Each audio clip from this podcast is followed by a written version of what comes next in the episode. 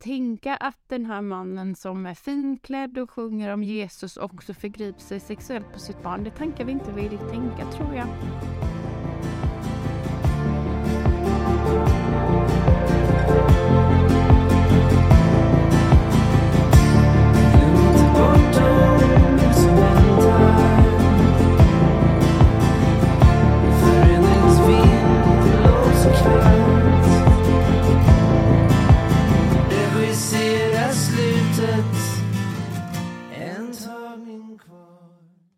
Maria och varmt välkommen till Barnrättspodden. Eh, mitt namn är Skrivarsson och jag är ordförande i Brinn för barnen och håller det här tillsammans med dig. Precis, eh, och jag heter Nicolina. Eh, är ett vuxet maskrosbarn som eh, driver barnrättsfrågor på sociala medier och skriver i en blogg. Mm. Och det är ju något vi båda har erfarenhet av, eller vi tre har erfarenhet av att vara maskrosbarn. Mm. Precis. Maria, kan du berätta lite mer om dig och vem du är och vad du gör om mm. dagarna? Ja, jag är eh, utbildad socionom och har läst en magisterexamen i socialt arbete. Eh, och jag arbetar på socialtjänsten på ett mottag, eh, enheten barn och unga, där man tar emot orosanmälningar men också ansökningar från föräldrar. Och jobbat i socialtjänsten i tio år ungefär. Mm. Eh, vi har ju båda följt dig på sociala medier och läst artiklar och så vidare och du har ju en, eh, en ganska tragisk barndom eh, som griper tag i en. Eh, kan du berätta lite om, eh, om den du har varit med om? Ja, jag äh, har varit utsatt för sexuella övergrepp av min egen pappa sedan jag fyllde tio. Tills jag fyllde 16. Jag fick hjälp av socialtjänsten där och jag har egentligen varit med om både våld och övergrepp i familjen och det började... Det var stökigt när mamma och pappa levde tillsammans men de sexuella övergreppen började direkt när jag flyttade över till pappa. Mm. Jag hade ett syskon som skulle bo där. Vi fick välja egentligen. Vi hade möjlighet att välja. Vem vill ni bo hos? Och alla vi barn ville bo hos mamma. Mm. Men det var inte möjligt. Så ett syskon bodde hos pappa en stund men var ledsen och då vet jag att eh, mamma sa att pappa behöver ha någon hos sig och du behöver vara, vara kvar hos pappa så han inte är ledsen. Ja. Och då var jag inte så gammal. Jag minns också vid hämtningen när mamma var hemma att jag bad om snälla kan jag få följa med hem till dig? Jag var ledsen, hade ont i magen och så. Men mamma upprepade någon behöver bo hos pappa. Så det blev jag. Hade det eh, framkommit någon orosanmälan eller någonting innan detta på att det var stökigt eller att liksom? Ingenting som vi barn visste om. Eh, men det, så det vet jag faktiskt inte. Mm. Och det var ingenting man upptäckte på förskola eller någon frågade i förskola, i skolan? Jag har aldrig under hela min tid i skolan fått frågan hur jag mår eller om det har varit något hemma. Vi var ju också i början så tänker jag att eh, alltså polis har ju varit hemma. Vi har, jag har ett minne där eh, mamma och pappa skulle natta oss barn uppe i sovrummet och pappa kastar en kniv mot mammas huvud precis innan vi ska sova. Och då är polisen på plats.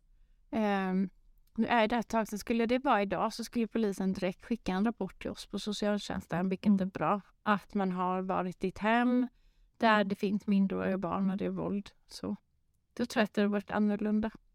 Bara för att liksom ställa en fråga kring det då, för att i Göteborg så jobbar man eh, utifrån Islandsmetoden eller modellen. Och då, om vi, om vi säger att det är den situationen, då skulle ju inte polisen lämna. Utan då väntar man egentligen till att socialtjänsten kommer på plats, eller socialjouren då, för att också få vittnesmål från barnen. Mm. Eh, jobbar man så här i Stockholms stad eller hur, för jag tänker, hur kan man, hur kan man lämna kvar barnen? Jag tänker, har inte polisen befogenhet att omhänderta barnen? Eh. Polisen kontaktar ju socialjouren och sen så när vi får in eh, en rapport från socialjouren då har ju polisen kallat till dem så de är på plats samtidigt. Mm. Eh, och det är så vi också får de flesta ärenden aktuella. De allra flesta som anmäler till oss är skolan och polisen. Det är den största det är anmälan vi har. Okay. Men eh, alltså du har ju varit utsatt, utsatt för något som heter multipel utsatthet och det är ju absolut värsta utsattheten. Eh, det vill säga att det är både våld och det sexuella, våld och sexuella övergrepp också, men och försummelse måste det ju också varit utifrån känslomässiga och var det annat också, att, man inte liksom, att du inte fick alla dina behov, basbehov. Ja. Precis. Jag hade en, för pappa de skilde sig och gifte om sig. Då bodde vi i det här huset där jag tänker att de grövsta övergreppen ändå fortsatte. Och då såg vi ut som en normal familj, men jag fick inga kläder. Eh, utan jag hade ett par jeans som jag gick med i skolan. Du vet att jag någon gång vågade ifrågasätta. Men då sa pappa det, om du går med på ett samlag då ska du få kläder. Eh, men sen var vi också aktiva i kyrkan och där hade jag klänning och var liksom välklädd och så. Så det är också tänka lite man behöver prata om det också, mm. bilden av förövaren. Mm. Vem, vem är det och att man skulle kunna...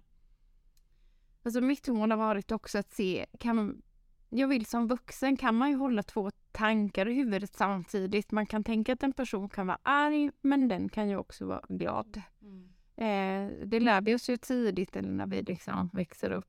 Men att tänka att den här mannen som är finklädd och sjunger om Jesus också förgriper sig sexuellt på sitt barn, det tankar vi inte vill tänka tror jag. Men varför tror du att det är så? Vi har nog en bild av förövaren, tänker vem det skulle kunna vara. Mm. Någon mystisk obehaglig person eller så här. Eh, och då kommer man undan med mycket. I mitt eget fall så när eh, jag kommer berätta om det senare, men när jag fick hjälp och polisen hämtade pappa, då erkände han på plats. Okej. Och hur tror du han gjorde det? Han sa det att han gjorde det för min skull. Han uppgett i polisförhör. Och vi, våra berättelser var helt samstämmiga. Det jag berättade och det pappa berättade. Han gjorde det för din skull. På vilket sätt då? det vet inte jag. För att, eh, men i efterhand att, eh, att gå med en berättelse och det jag kan möta. Jag får mycket brev efter olika saker jag skrivit så det är att man är orolig över att man inte blivit trodd. Mm. Mm. Och gå med den... Alltså att vara med om sexuella övergrepp, det är så förfärligt. Eh, kroppen försvinner ut och man tappar liksom... Jag gick hela tiden och tänkte den här tjejen vill inte jag vara. Jag vill vara en vanlig tjej, mm. en helt normal. Nästan så att jag ville tänka bort alla saker som hade hänt. Och hade jag inte haft några fysiska symptom på, på min utsatthet hade jag aldrig berättat för någon. Nej. Vad hade du för fysiska symptom? Alltid ont i magen, eh, mycket ångest, jag hade tvångstankar. Det hade jag långt upp i åren. Du vet, man skulle räkna.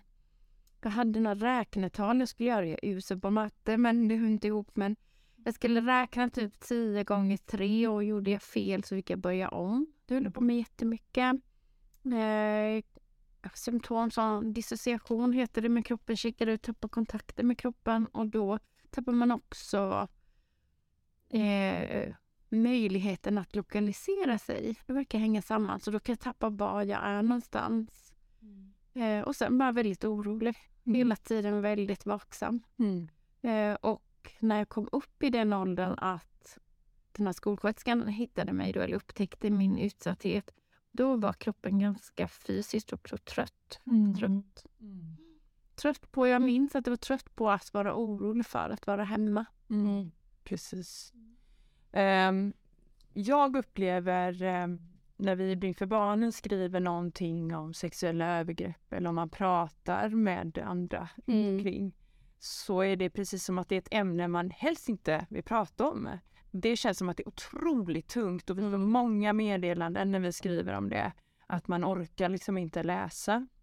Jag brukar alltid säga att nej, du kanske inte orkar läsa, men de här barnen får leva med detta. De ska orka leva med detta, orka ut varje dag. Eh, har du samma uppfattning att det är ett väldigt tungt ämne? Och varför tror du det är så? Det är tungt och det är svårt att prata om och jag har haft eh, väl, jag har ju fått väldigt bra hjälp. Jag har, fått, jag har arbetat specifikt, jag har gått i terapi sedan jag var 20 men jag har fått specifikt två psykoterapeuter som har jobbat med mig under väldigt lång tid men inte samtidigt. Eh, så jag hade en psykolog och psykoterapeut under tiden när jag också fick egna barn. Det hade, som jag liksom, du vet hon var utanför ramen lite. Jag fick möjlighet att kontakta henne när jag behövde och vi träffades en gång i veckan och sådär. Och hon mm. såg mycket vad jag behövde och så. Men då hade jag fortfarande skammen kvar. Eh, och det handlar inte om skam att man blir röd i ansiktet eller att man känner oj nu gjorde jag bort mig utan det är liksom en bottenlös skam där minnesbild. Jag hade dagliga flashbacks egentligen som kom och då kom det övergrepp tillbaka. Eh, och den skammen till exempel så fick jag välja av pappa. Då kunde han fråga, vill att jag ska slicka dig eller vill att jag tar med fingrarna? Fingrarna gjorde väldigt ont eh, och jag hade bara två val. Då valde jag fingrarna. Då valde jag tungan. Mm. Eh, och när jag tog upp det med den psykoterapeuten som jag har jobbat med här uppe i Stockholm med utbildning i DBT, dialektisk beteendeterapi. Då sa hon hela tiden till mig, det går att jobba med skammen och jag trodde henne inte. Eh, men då till exempel när jag väl berättade om det här tillfället sa jag har ju valt själv. Så sa hon, ja men det är ju ett val du inte har fått och det är att låta bli. Mm. Eh, och då hade du valt det. Eh, just det. Så hon hjälpte mig att bli fri skammen. Och när det hände, och det är inte så länge sedan, då började jag själv berätta min berättelse. Och då är det ju jättesorgligt men lite svårare att prata om än om man skulle bli utsatt för våld, mm. är min upplevelse. Mm. Och det brukar jag säga till mina kollegor på socialtjänsten och tänka själv när jag går in i ärende. De här barnen vi möter, de har redan mött det värsta. Mm. Det finns ingen fråga som vi kan ställa som skulle vara så förfärlig så barnen inte skulle klara av det. De lever redan i den verkligheten som är det mest värsta. Mm. Så jag är glad att ni pratar om det, men jag är också glad att, att jag blev fri i skammen och kan lyfta de här frågorna. Mm. För jag tycker att det behövs. Mm. mm. Verkligen. Men, men, men, de sexuella övergreppen, vad jag förstår, det påbörjades när du var tio år gammal då? Ja. ja. Och innan hade det varit våld och, och missbruk då mm. också? Ja. Men, men hur, hur, tog det sig an? Hur började det? Och var det liksom varje vecka, varje dag? Eller hur, hur såg de här Ja, det, kan jag, det vet jag inte riktigt. Jag vet att det började direkt och första övergreppet då sitter jag i pappas knä och så smeker han mig på ryggen och sen går ner med handen innanför trosorna.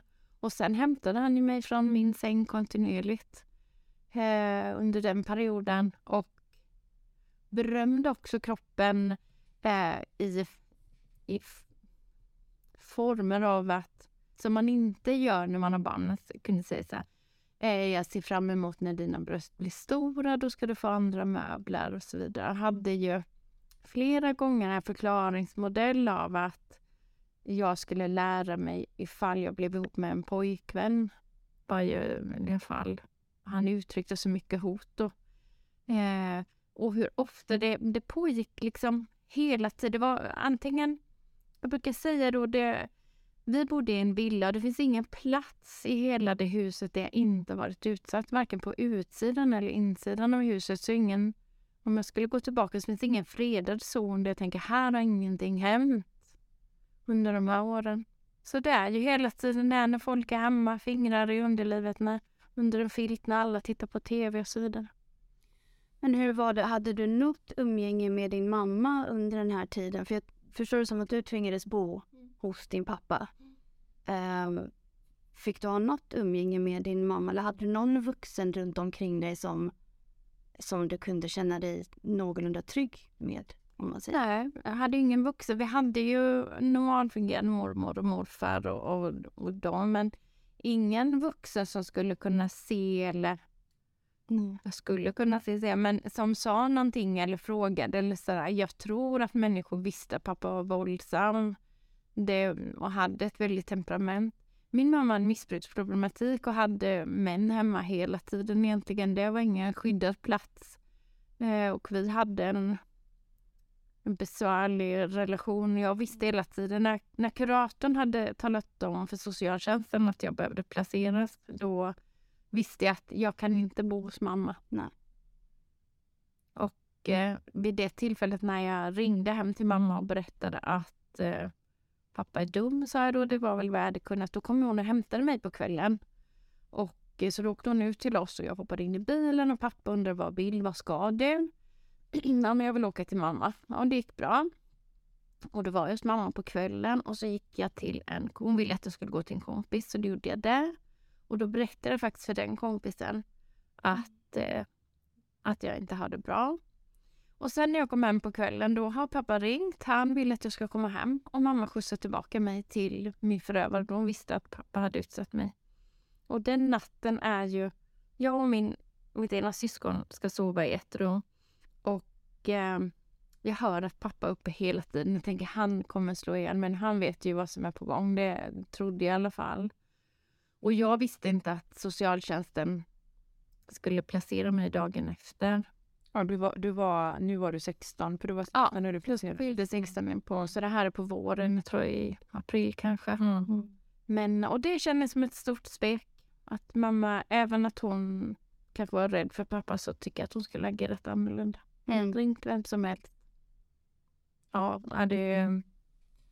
är ofattbart hur det kan få gå till. Men jag tycker också det är så viktigt det du tar upp för eh, just det här med att man vet inte vem som kan vara förövaren. Eh, jag är också uppväxt i ett, ja, liksom med föräldrar utåt sett där man aldrig skulle kunna tänka sig att det pågick någonting innanför dörrarna.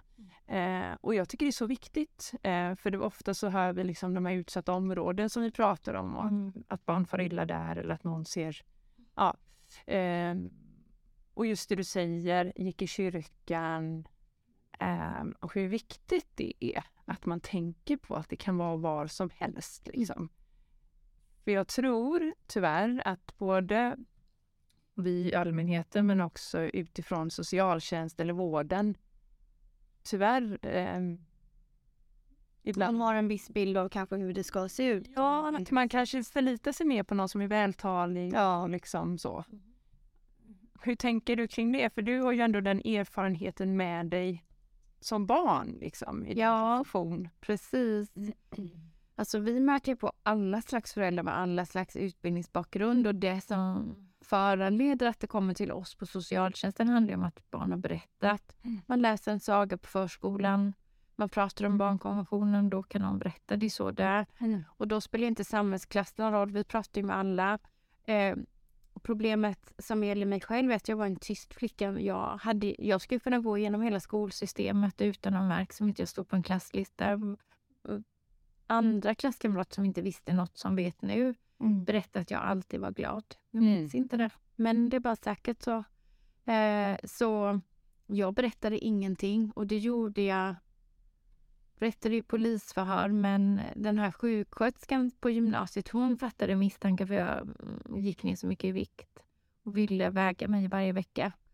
Och eh, Så det var så det Ja, det var så det uppdagades. Ja, absolut. Och sen gav hon sig inte helt enkelt utan hon skickade över till kuratorn en, en oro. Och eh, kuratorn frågar hur, hur det är hemma och det säger att pappa inte är snäll. Det är så det kommer upp. Men jag tänker, då har det ändå gått sex år då. Ja. Skulle, skulle, tror du utifrån eh, hur man uppfattar det i skolan eller nätverk, något alltså runt omkring föräldrar, skulle man kunnat fånga upp dig tidigare tror du på något sätt?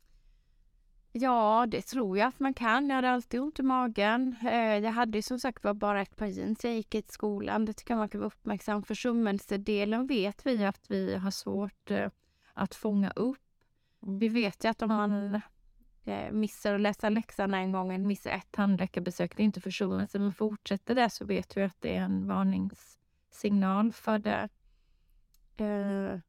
Så det hade man säkert kunnat göra. Och Jag tänker personer i närheten visste också att pappa var aggressiv och sådär. Vi vill inte tro och vi har en kultur tycker jag att vi inte ska lägga oss i andra. Eh, Men jag menar att vi ska lägga oss i så mycket vi bara kan. Anmäl till oss på socialtjänsten så mycket man kan. Om man är orolig. Hade man kunnat fånga upp, för jag tänker det här, det var inget nytt, det var ju våld och missbruk och så vidare. Mm. Redan på förskolan hade man väl kunnat se det. Visst, det tror jag. Mm. Det finns ju tecken och jag menar där vill man se efter det så, eh, så hade man sett det tror jag. Det gissar jag på i alla fall. Eh, vi har pratat lite om att din pappa försökte rättfärdiga det han gjorde mot dig. Försökte du någon gång konfrontera din pappa eller vågade du inte det eller hur? Ja, ja, vid två tillfällen som jag själv minns så eh, när pappa skulle sära på benen så bara höll jag ihop benen och då skrattade han bara och jag upplever att för det är vid två tillfällen ett tillfälle till så säger pappa då att eh, om jag får ligga med dig så ska jag köpa kläder och så. Och då sa jag nej. Och jag upplever att han triggades av det, att det blev en eh, alltså, mer aggressivt eller att det, ja, blev ännu mer utsatt för bara ett tag efter den händelsen så fullbordade han ett samlag. Hur gammal var du då? Jag var 15. Och då minns jag att vi var i min säng eh, i mitt rum och eh, när pappa tränger in i mig då får jag jätteont. Eh, jag tänker att jag inte är med om det här, jag vill inte. Och sen försvinner jag upp i taket. Jag ser allting från taket i mitt rum och känner ingenting. Jag har ingen smärta alls. Och i den, och det är första gången när jag försvinner bort så, men sen har ju hjärnan på något vis fortsatt göra det sen jag har varit rädd som vuxen. Till den här senaste DBT-terapin har varit, eller jag har inte gått i DBT, men psykoterapeuten har kunskap om de mm. eh, verktygen, att få tillbaka sin kropp och så vidare. Men kroppen har checkat ut många gånger vid eh, rädsla att det är som om hjärnan inte kan förstå, händer det nu eller händer det tidigare? Men reaktionen har varit lika stark. Men det är jag helt fri från idag. Finns det minnen alltså, som har kommit upp nu i efterhand när du har liksom gått i terapi som du har förträngt? Eller är det liksom klara minnen? Jag har klara minnen. Mm. Mm. Men eh, hur, då fick du hjälp när du var 16 år. Vad hände sen då? Ja, sen när jag var 16 så uh, kom jag till, då var jag socialtjänst. Jag kom till kuratorn på morgonen efter den här natten då mamma hade skjutsat hem mig uh, och vet inte att hon har ringt socialtjänsten. Så då tror jag bara att det är min kurator och mamma och jag som vet om det här. Uh, och då kommer de där och då blir jag ju placerad direkt och då sitter jag på socialkontoret och då säger de så här att vi har hittat en familj som vi tänker att du kan bo hos. Det är en jättesnäll mamma och pappa ute på landet med hästar och hundar. Ja, och det skulle jag vilja ha ett medskick till eh, socialsekreterare som placerar barn att fråga, för jag var ett stadsbarn född med en gatlampa. Eh, jag är jätterädd för mörker. Jag är inte särskilt intresserad av djur eh, rädd för hästar. Och eh, det, så det blir en väldigt dålig matchning. Mm. Eh, jag hade ett eget förslag, jag hade umgått med en tjej som var i min ålder och den mamman vill jag ha som mamma. Så jag nämnde dem som familj och sa att jag har en familj jag skulle vilja bo hos. Och de fick frågan och tackade ja. Gud vad fint. Ja. Då hade de sinsemellan sagt att de skulle vilja göra skillnad för något barn. Ja. Och sen hade ni hur hade du träffat? Det var en kompis? Inom kyrkan. Okej. Okay. Så de visste vem din pappa var också? Oh, eller? No, men de visste vem jag var i alla fall. Jag har varit hemma där en del så. Okay. Mm. Hur, när du sitter där och har berättat för eh, kuratorn och du får veta att eh, socialtjänsten är inkopplad och att du ska mm. ja, så småningom få flytta då. Hur kändes det för dig? Hur, liksom, fasansfullt i många delar för jag minns den här ensamheten som är jättesvår att beskriva som barn. Jag mm. visste jag har ingenstans att ta vägen. Jag har ingen som vill ta hand om mig. Det finns ingen. Och den ensamheten är jättesvår att beskriva. Jag var inte så gammal. Eh, men eh, att få komma hem till den här familjen var fantastisk. Det som hände var att mina tillhörigheter som jag hade kvar, de skulle jag och socialtjänsten åka och hämta eh, när huset var tomt då. Så jag var själv och hämtade grejerna eh, tillbaka då. Och då hade de slängt i allt. Alla mina tillhörigheter var nedslängda i en enda sopsäck. Och det tänkte jag inte på då, men nu i efterhand har jag tänkt så här, när använder man sopsäckar? Det är nästan bara när man slänger saker. Mm. Mm. Alltså en ganska förfärlig känsla. Mm. Verkligen. Men eh, då kom du till den familjen. Mm. Eh, och hur, hur var det då? Fick du hjälp också med det trauma du har varit igenom? Nej, inget alls egentligen utan eh, jag fick ju trygghet, var mycket hemma, eh, kände mig trygg direkt, fick ett rum där ingen gick in när jag ville vara ensam. Men de berättar också familjehemmet att de fick inte trösta mig. Blev jag ledsen då gick jag undan. Så jag sökte inte tröst heller. Jag hade kvar kontakten med kurator på gymnasieskolan och hon ville att jag skulle gå till en eh, psykiater kanske. Mm. Ja, men det vägrade jag. Det ville jag inte göra. Så jag hade kvar henne som kontakt och hon hade kontakt med någon som stöttade henne då. Så du fortsatte gå till henne då? Jag fortsatte gå till kuratorn men jag pratade aldrig om vad jag varit utsatt för. Jag berättade aldrig för mitt familjehem vad jag varit utsatt för heller. Så var jag på rättegången samband när jag fyllde 16. Okej, du var med på... Hur, var, hur var det?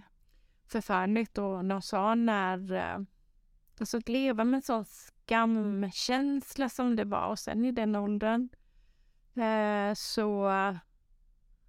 Och lite med det här sättet att jag visste att det inte var mitt fel och det är jättebra att man säger det men det visste jag också om. Men det här sättet som pappa hade hotat med. Säger du någonting nu så kan vi inte ha det så här skönt. Polisen kommer ta oss och så vidare. Jag var precis i den situationen. Då sa polisen att jag skulle spelas in på förhöret för att slippa vara med. Men det blev bestämt att jag ändå skulle vittna i rättssalen så jag var tvungen att ta mig dit. Och sitta mot din pappa? Nej, han satt i ett annat rum. Okej. Men jag var ändå tvungen att åka dit och Mm. berätta igen. Och det var ju någonting som jag egentligen var lovad att slippa. Mm. Och det hade varit bra om jag hade fått slippa det. Men de här hoten då som du, nu, nu var det ett hot du pratade om. Ehm, då säger jag, då, vad var det fler hot liksom, som gjorde att du inte vågade berätta? Det var nog det och skammen av att jag inte ville vara utsatt, tror jag. Eh, ja. Ja, för det är ju det liksom att eh, just att barn har ju svårt att berätta kanske för vuxna och man hör att ba- barn kanske berättar för andra barn då. ja. Eh, Men du berättade aldrig för någon vän eller någonting sånt heller? Helt inte för någon. Nej. Nej. Nej, och jag känner igen mig i det där att man vill inte berätta för man vill inte vara annorlunda heller. Eh, man säger oftast att barn är eh, att man är trogen sin förälder eller Mm. att man inte vill hänga ut dem. Men för mig så handlar det faktiskt inte om det. Jag önskade att någon vuxen hade frågat mig. För då hade jag kunnat berätta. Men jag, jag hade skammen i att jag vill inte att någon ska veta hur jag har det hemma. Mm. Det handlade mer om att man vill inte vara så, man vill inte vara annorlunda. Och när alla berättar hur bra de hade det hemma och vad mysigt vi hade på jul. Ja, gör man nog det? Ja, precis. Jag skulle precis säga det. Lögner var någonting som jag kunde uppleva mycket Mm. i samma ålder. Och att alltid vara glad. Jag var ju, det finns ju olika så här, men beskrivningar av maskrosbarn. Mm. Att vissa, man kan vara en clown eller man kan vara ehm, en tapetsblomma eller någonting. Mm. För att man går in i någon slags försvar. Mm. Eh, och jag var alltid glad. Mm. Har du haft någon, liksom, har du gått in i någon roll som barn där du har ja, men försökt att liksom dölja eller eh, ta dig igenom, tänker jag? Jag har ju aldrig fått frågan om utsattheten. Har ju aldrig kommit upp och jag tror att jag hade kanske svarat om, som du säger. Men jag var också alltid glad och har, har haft med det upp som bekymmer långt upp i åren. Att man kallar det lite elakt för people pleaser men jag tycker att eh, det blir ett sätt att överleva där jag har blivit väldigt duktig på det är att känna av miljön. Vem är ledsen, vem är glad och vems ansvar då var det mitt ansvar att göra pappa glad. Det är ju ett stort arbete som vuxen att hitta. Eh, den senaste terapeuten jag jobbade med har ju visat, i DBT berättar man också hur man själv som terapeut tar emot eh, olika saker från klienten. Om man, eh, om man är otrevlig så kan den ändå svara upp att man kan bli ledsen och hur det kan kännas. Och det har hjälpt mig jättemycket att bli speglad i att vad jag säger kan göra dig ledsen. Och genom att hon börjar visa sina gränser för vad som är okej och inte har jag hittat mina egna. Nej. Det är ett långt arbete, tycker jag. Men jag tänker, eh, om vi återgår till just det med hotbilden då som Mm. du hade. ehm, vad var det fler för hot och var det hoten i sig eller var det skammen i sig som gjorde att du inte våga säga någonting egentligen? Jag tror att det var skammen, att jag Mm. skämdes så. Kändes ju också för mina egna kroppsliga reaktioner. Eh, och det har jag tagit upp när jag skrivit och berättat att, att jag fick orgasm och då tänker man, då vet jag inte hur man tänker som annan vuxen. Eh, att det skulle vara något antiklimax av en sexuell relation där man känner att det blev ett wow. Men för mig gjorde kroppen ont och det var väldigt skambelagt och det berömde pappa ofta. Eh, ser att dina bröstvårtor blir styva då vet man att du gillar det här. Så att han bekräftade hela tiden eh, kroppens reaktioner på övergreppet och eh, jag hatade mig själv väldigt. Jag gick, eh, testade symboldramaterapi en kort period. Eh, då ska man ju ner då under mellan vakenhet och sömn så ska man eh, kanske gå ner och då hämta det lilla barnet med Jag hatar ju den ungen. Så när hon sa så kan du ta med henne upp? Nej, jag har ingen lust. Jag vill inte ta med henne upp. Tyckte att eh, det var ett väldigt svek. Så det var inte först i slutet av de här fyra och ett halvt åren då släppte skammen och det blev så. Vi jobbar med den hela tiden. Men när den släppte så blev det så wow. Jag, jag tycker att mitt liv har tagit en helt annan vändning sedan dess. Och efter det har jag kunnat titta på den lilla Maria som var liksom 10-11 år och tänkte men vad utsatt och liten du var. Det Mm. var först då jag kunde känna kärlek för det här lilla barnet. En, en fråga, för du nämnde att du har barn. Mm. Hur har det påverkat dig som förälder? Alltså att... ehm, alltså jag tänker att, jag vet att när jag själv fick barn så började jag ifrågasätta föräldraskapet väldigt mycket, väldigt mycket och vad, vad mina föräldrar har gjort mot mig och hur det har... Ja, men jag började ifrågasätta och hade svårt lite att veta vilket ben jag skulle stå på som förälder. Eh, hur var det för dig när du fick barn? Ehm, När jag fick min första, min äldsta pojk så ehm, eh, när jag höll honom i famnen på BB då kom jag ihåg att jag tänkte att jag skulle ringa mamma och säga kolla här vilken fin pojke jag kunde få. Det hade jag aldrig trott att jag skulle kunna få fram ur den ja men både äckliga och fula människan som var jag. Så det var ju som en första krock. Mm. Men sen har jag fått massor med hjälp. Då hade jag den här psykoterapeuten som jag fortfarande har kontakt med. Eh, hon har funnits hela tiden under tiden jag har varit småbarnsförälder så jag har ju fått ringa henne och fråga. Man blir vaksam, man blir orolig. Jag har väldigt svårt när barnen blev ledsna för jag hade ju svårt att härbärgera så starka känslor. Och nu i efterhand förstår jag varför. Varför var det då?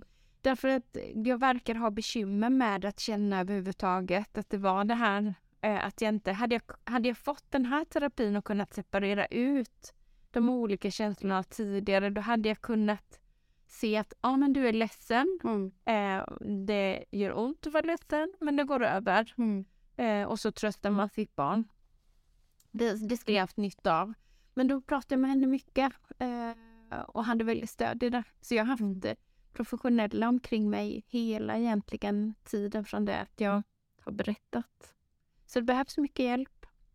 Ja, och det är någonting som jag tänker, om, om jag utgår ifrån egen erfarenhet så fick man eh, komma till BUP eller man fick prata med någon eh, ett visst antal gånger och sen blev man släppt. Eh, ingen traumabehandling. Eh, ja, och jag tänker ju precis så som du säger att jag tror att det hade varit viktigt och bra att ha med sig någon liksom från början till slut eller från det att man liksom kommer i kontakt med psykiatrin Mm. och sen att man blir följd Ja.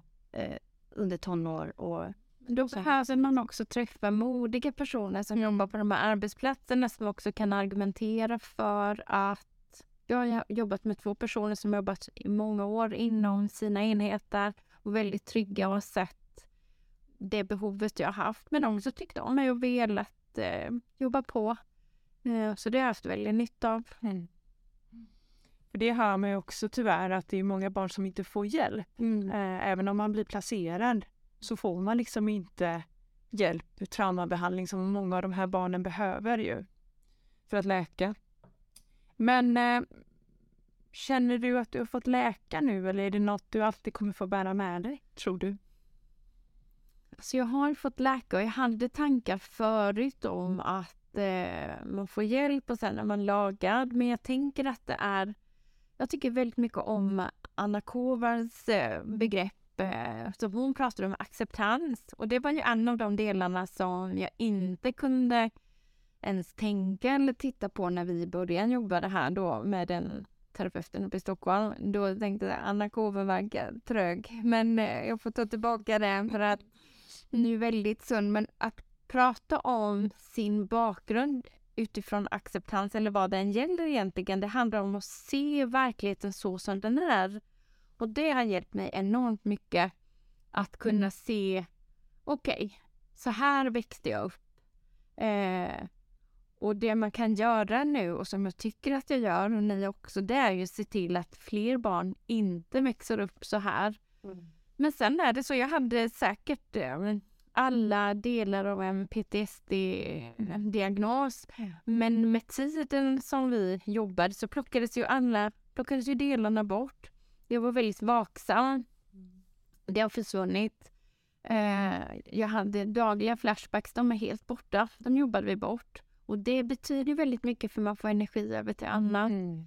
Eh, om kroppen skulle bli så rädd att den skulle vilja, då tappar jag alltid känslan i händerna. Då kan jag stoppa det väldigt snabbt för jag har fått tekniker för att, eh, att jobba med det. Mm. Så ja, jag, jag har fått ett helt annat liv. Och tänk att det skulle ta så lång tid. Ja, precis. Mm. Och det är också någonting som vi blir för barnen lyfter, eller många barnets organisationer lyfter såklart, det är att barn måste få hjälp i tid. Ja. Och hur viktigt det är med tidiga insatser och fånga upp barn eh, för att man ska slippa det här lidandet som det blir liksom, ja. under så lång tid. Ja, det är förfärligt att det har gått så lång tid. Mm. Eh, absolut, det skulle, det skulle ju varit eh, eh, helt fantastiskt, tänker jag, om jag hade fått rätt hjälp i rätt tid. Mm. Jag tänker utifrån din profession idag och det du har med dig. Eh, anser du att du har nytta alltså vad ska man säga, det låter ju fruktansvärt, men att du ändå har liksom en styrka i att det du har varit med om, att du har lättare att fånga upp barn och förstå. Jag har lätt för att få kontakt med både barn och familjer och vi har en socialtjänstlag som bygger på frivillighet och samarbete. Och det får man inte glömma. Att vi behöver få föräldrar med oss och vi behöver se att föräldrar vill ta emot en insats. Eh, sen tänker jag inte att jag haft nytta av det. Jag tänker att eh, du kan bli en bra socionom eh, när du växer upp under trygga förhållanden, för då vet man hur det är. Så det blir också min största sårbarhet. Mm. Att har man inte arbetat med sina upplevelser så kan man nog ha svårt att veta vem som är vad eller att det går in i varandra. Mm. Jag blir nogsam med det jag pratar med närmaste gruppledare om det så att jag känner att det är besvärligt eller att det kommer förnärmelse. Det behöver man alltid ha. Mm. Eh, men sen vågar jag ställa svåra frågor. Det behöver vi träna på i socialtjänsten. Vi behöver vara modigare med att ställa frågor om vad som har hänt. Det kan ju vara så att vi får in en eh, polisrapport och sen ska vi träffa ett barn hos oss. Då en del vågar inte prata om att polisen har varit hemma. Men jag menar barn som har vuxit upp som jag, mm. som mig, i 7-8-årsåldern, de vet ganska mycket. Ofta vet de, ofta har de här föräldrarna överdelat information. Man vet eh, om ekonomin, man vet kanske vem mamma ligger med och inte och man har koll på olika saker. Man har blivit delgedd nästan som en, som en vuxen. Mm.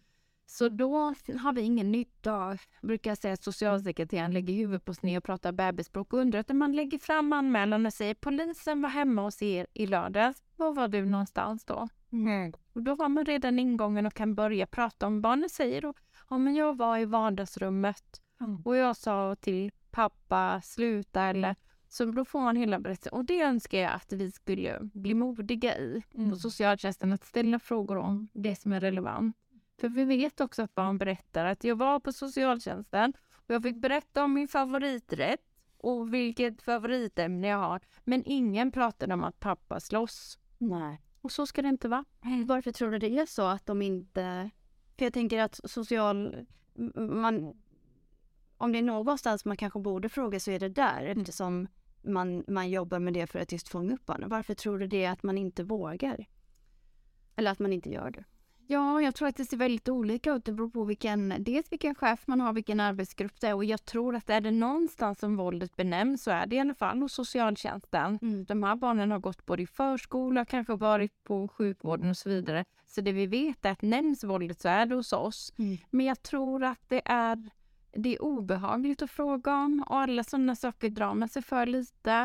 Eh, Men man behöver stötta varandra i arbetsgrupperna och jag tycker att kan man screena för våld och sexuella övergrepp i varje samtal så är det bra. Att alltid ha ett formulär att säga att vi oavsett vad så ställer vi de här frågorna till alla barn som kommer till oss. Det tycker jag vore relevant. Mm. Och sen veta att man kan agera i det då. Mm. Jag blir nästan lite förvånad att inte det är liksom rutin. Hur upplever du ehm, utifrån din profession och så att man, man, man förstår och kan lyssna in barnen? Alltså kunskapsmässigt kring det, för att det är ju rätt... Ja, jag tycker att när vi får anmälningar så gör vi ju, då pratar vi med barnen utifrån. Vi försöker ställa så många hur-frågor som möjligt för att det inte skulle vara så att man polisanmäler. Så, behöver, så vi kan inte ställa till exempel några ledande frågor att, eh, på det viset utan vi behöver prata mycket om eh, vi behöver få fatt i när, var och hur. Så hur, då frågar vi frågor om hur eh, vad, vad gör dig glad hemma? Vad gör dig ledsen? Eh, vad skulle du önska? Eh, och då kom barn berätta ofta i de delarna och ganska spontant. Eh, när jag jobbade som utredare gjorde jag mycket rollspel. Kan man Mm. fråga barnen, en del barn tycker det är jättekul, en del svarar vill jag inte. Men de som vill då, då får man också ganska, då har vi spelat lite olika eh, och då får man ju ganska autentiska svar eh, vad som har sagts hemma.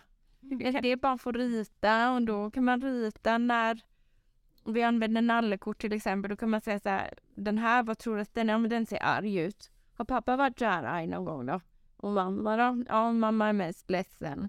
Och frågor som liknar när pappa blir arg eller mamma, det är båda, båda två. Vad, vad gör du då? Hur känns det här inuti då? Berätta en del, gå in till sitt rum kanske.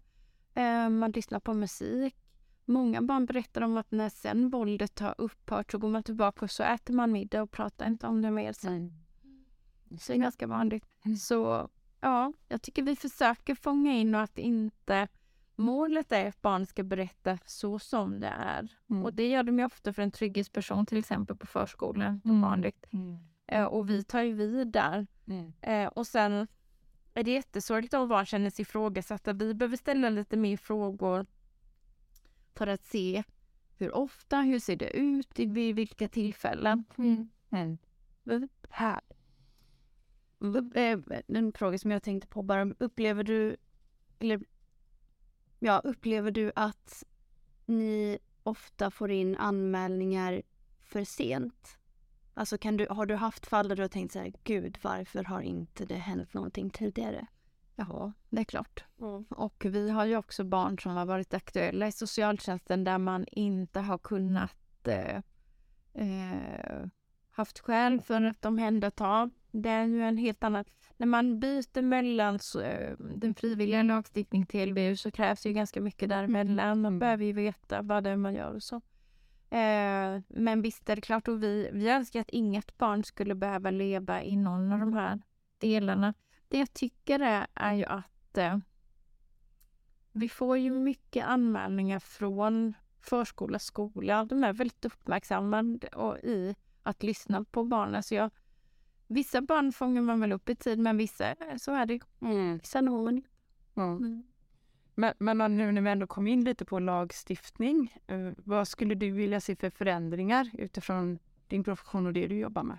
Ja, jag tänker att det, det första som är, är ju att vi, när man jobbar kring eh, eh, den första lagstiftningen som är SOL, socialtjänstlagen, den är frivillig, den bygger på att jag ser ett behov eh, som socialsekreterare när vi har kollat och sen så erbjuder vi en insats och där kan föräldrar tacka nej då. Eh, och sen är det ju många steg för att, att ansöka om ett, eh, ett omedelbart omhändertagande. Alltså det är ju det är många steg mellan lagstiftningen och kanske skulle man ha någonting eh, det här som, som jag tänker blir nu då att man ska begära att föräldrar går och drogtestar sig till Mm. exempel för att kunna säkerställa eh, att man kanske har ännu mer kring, kring att socialtjänsten är med kring um, umgänge och så vidare.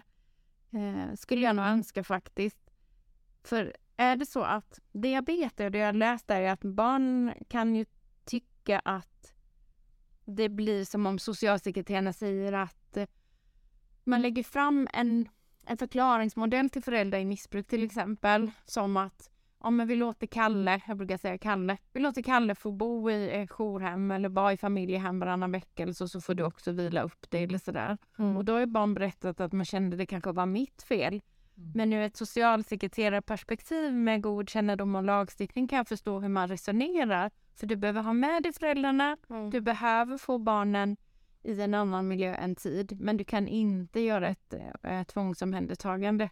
Då blir det här någon slags modell för att få med. För skulle man säga då direkt att eh, du dricker för mycket, det behöver man ju tala om också, och vi tänker att, att ditt barn behöver bo tillfälligt hos någon annan eller i alla fall under varannan helg eller sådär för att vara annat.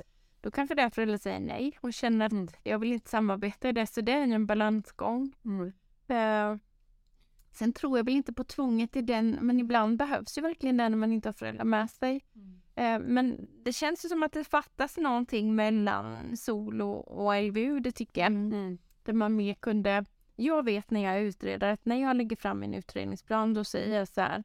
Vi är transparenta. Är det så att jag ser någonting som är oroväckande då vill jag att du tar emot en insats. Det kan man fråga föräldrar direkt och försöka få ett samtycke ganska snart. Ett samtycke kan man ju alltid ta tillbaka. Det är ju bara för, Mm. för stunden. Mm. Så, så visst finns det mycket kring att stärka upp barns rätt, rättigheter. Mm.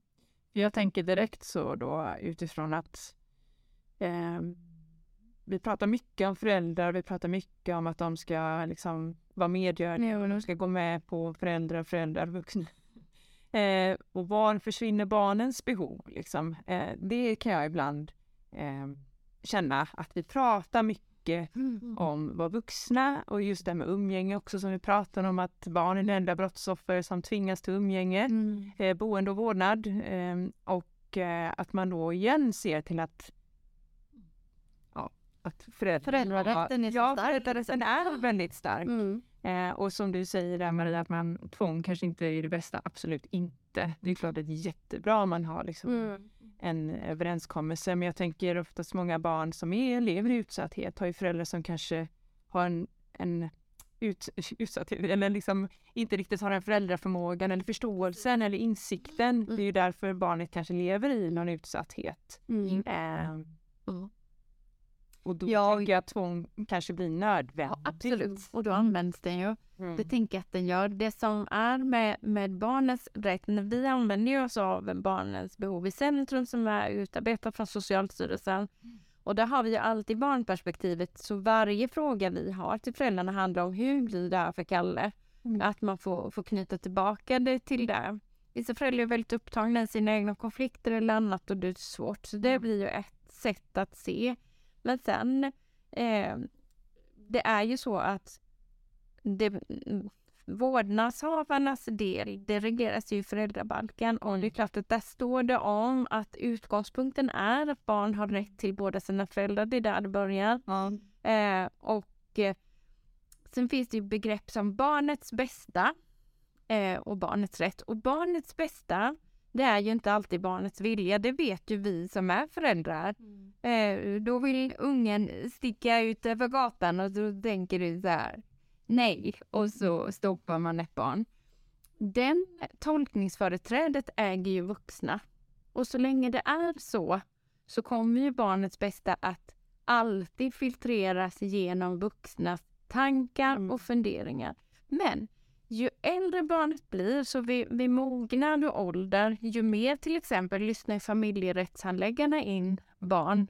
Eh, man är orolig och vill kanske inte bo och så vidare. Sen är det ju, socialtjänsten är en del i det här och sen går ju det vidare till förvaltningsrätten, eh, de här frågorna. eller tingsrätten som Mm. dömer om eh, umgänge och så. Mm. Då tänker jag att det är här det, det är där det beslutas sen. Mm. Och då är det ofta föräldrabalken eller familjerättens bedömningar man lutar sig på. Mm. Så det är svårt Mm. att fånga in. Mm. Men, eh, men ja, precis. Och lite som eh, både forskare Anders Broberg och Björn Tingberg säger också just att det här med att man... eh, Det att, att egentligen borde ju alla, liksom, både, både lagstiftning och alla beslut så borde ju liksom barnets bästa då, eller det enskilda barnets bästa genomsyras eh, så att säga. Men, men som du också säger, liksom att, man, att det filtreras ju vuxna och det är ju klart att det ska göra det. Men ofta så handlar det ju om att, som du säger, att barn har rätt till båda sina föräldrar. Eh, och som, som Anders Broberg sa en, en gång när vi satt och pratade just att hur ofta har man hört barn som tvingar sin pappa eller mamma komma och träffa dem som kanske inte vill träffa barnet? Mm. Nej, precis. Och det Och vi har ju verkligen vänt den här lagstiftningen Mm. till att föräldrarna säger jag vill träffa Mm. mitt barn eh, eller ha umgänge med mitt barn varje vecka Mm. eller var tredje vecka. Vi vet också att barn har otroligt fysiska och psykiska liksom, men av de här umgängena. Mm. Men att det får företräde. Och då, och då som du precis säger, barn har rätt till sina föräldrar. Mm. Det är ju utgångspunkten i Sverige. Föräldrar kan ju vara något annat också. Absolut, och vi vet ju inte intentionerna bakom. Vi har ju berättelser där föräldrar har varit eh, frånvarande under längre tid och sen helt plötsligt vill ha umgänge eller vill ha eh, gemensam vårdnad och träffa barnen varannan vecka och så vidare. Intentionerna till det vet ju inte vi. Men så länge man utgår ifrån att eh, så länge modellen är och tron är att barn mår bra av att träffa båda sina föräldrar så kommer det se ut så här. Så man behöver ändra på lagstiftningsnivå för att se till varje barn. Det tänker jag. Hur tänker du? Tänker du att det är alltid det bästa att barn träffar? Nej, det vet jag ju själv att det inte är och eh, jag tycker att man behöver vara, har man dels om man har, har gått igenom en separation och sen så tänker eh, är upplägget att man tänker vi har varannan vecka men så har man barn som blir äldre och känner ja men, men nu en tid vill jag bara bo hos mamma. Då skulle jag önska att föräldrar var mer eh, kärleksfulla i sitt tänk och tänka okej det handlar inte om mig som förälder utan du upplever att du behöver vara närmare mamma nu en tid och så försöka lösa det. Eh, eller, eller tvärtom. Så att man skulle kunna hjälpa barn på det viset. För det vi vet är att barn är lojala mot båda föräldrarna. Så att det man säger man säger saker till pappa så man vet att man blir omhändertagen där och tvärtom. Mm. Och det behöver man också vara medveten om att, att eh, barn som är i den här åldern vet ju att man kan inte ta hand om sig själv. Det är man ju medveten om. Mm. Och därför så blir det en lojalitetskonflikt som nästan kan ta sönder vissa barn. Jag tycker att en del barn har ju eh, symptom på att, eh, att det är en familjerättslig process. Mm. Ja men precis och så tänker vi på de barnen, då, då kan det vara barn som kanske har fungerande föräldrar Ja. så. Men om vi tänker på de här barnen som inte har det, det blir en överlevnadsstrategi för dem Mm. också. De kan ju leva i fruktansvärda förhållanden och ändå bara rätta sig efter det och det blir liksom jag tycker inte det är så hemskt men normaliserat i det de lever i och de bara liksom försöker överleva i det. Eh, Men det är också svårt att få fatt i. Eh, och det är ju också en process som är en domstolsprocess. Mm. Ja, det är det ju också, precis. Eh, men jag tänker så här, eh, om vi återgår till dig Maria också. Har du någon kontakt med din biologiska familj idag? Ja, det har jag. Flera stycken i familjen. Lever pappa och mamma? Eh, mamma är död men pappa lever. Okej. Och han har du ingen? Nej. Nej. Ehm, men om vi ser också till vad du skulle vilja tre till fem viktigaste fokusområdena som måste förändras för att vi ska då kunna skydda barn som lever i utsatthet. Ja, och det är svårt att ta tre men jag har ändå ställt upp tre och det är de som jag brukar ta när jag skriver och när jag pratar. Men vi behöver ju, för att kunna hjälpa barn behöver vi upptäcka barn. Och det gör vi ganska mycket. Vi vet ju att barn lever i utsatthet och att barn berättar så det är klart vi upptäcker barn. Men att våga ställa frågor och då tänker jag inte bara som yrkesverksam utan andra runt omkring andra vuxna att våga ställa frågor, att det inte är något farligt. Mm. För lever barn som jag har vuxit upp, då lever man redan i det värsta. Mm. Så det finns ingen fråga som är farlig tycker jag. Och sen orka ta emot svaret. Vi vet att barn Mm. testar oss. Eh, man testar en förskolepedagog och, och slänger ut något litet om, om sin tillvaro. Mm. Jag fick ingen frukost idag. Eh, för att kolla, håller det måttet? Så jag, jag önskar att vi skulle eh, vara vuxna som håller måttet för barns berättelser. Att man kan känna det. Att jag, det kan jag lita på. Då kommer resten. Hur tycker du man håller måttet då? Att man, att man orkar ta emot en sån berättelse. Mm. Eh, tänker jag att man visar. Och det visar man genom att fråga mer, genom att berätta. Eh, att man också är nyfiket eh, utforskande med fler frågor. Mm. Hur, du sa att du inte fick frukost igår, hur har det varit idag då? Eller, ja, att man vågar, det brukar vi ofta säga i vårt mottag när förskolepedagoger ringer. De har läst en bok, Kalle är ledsen, han säger pappa slåss. Fråga lite mer. Mm. Vad, eh, vad var du någonstans då? Vad kan jag berätta ganska? Och då visar man att man är intresserad. Mm. Och det är ju ett sätt att få barn att Mm. berätta, tänker jag. Att Mm. man, då känner jag om man är genuint intresserad, om man vill höra eller om man är stressad och känner att, ja, som du pratar om sexuella övergrepp, man tycker det är så obehagligt själv så man inte ens vill låtsas om att det finns. Det kommer barn känna. Mm. Så var trygg i det. Mm. Fråga mer. Mm. Det finns barn, du säger för det finns bättre, det finns barn som har det jättejobbigt hemma. Mm. Eh, hur ser det ut för dig? Eller att fråga vidare. Så. Mm. Och sen det viktigaste då, har man tagit emot ett barns berättelse behöver man göra någonting, agera ju det man behöver göra. Ring socialtjänsten. Alla socialtjänster finns till för sina medborgare där man kan ringa och antingen anonymt bolla, Mm. man kan uppge sitt eget namn men bolla barnets oro anonymt och fråga lite för vi är experter på risk och skydd, det är vi är skolade till socionomer eller socialarbetare i socialtjänsten för barn och unga. Vi jobbar med risk och skydd varje dag, det är vår profession. Ring och fråga oss.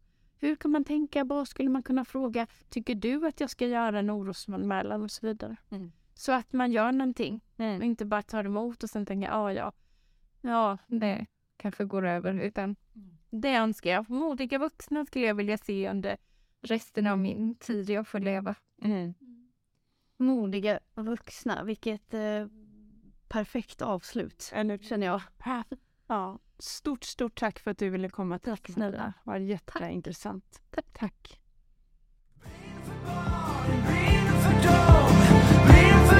Som inte somnar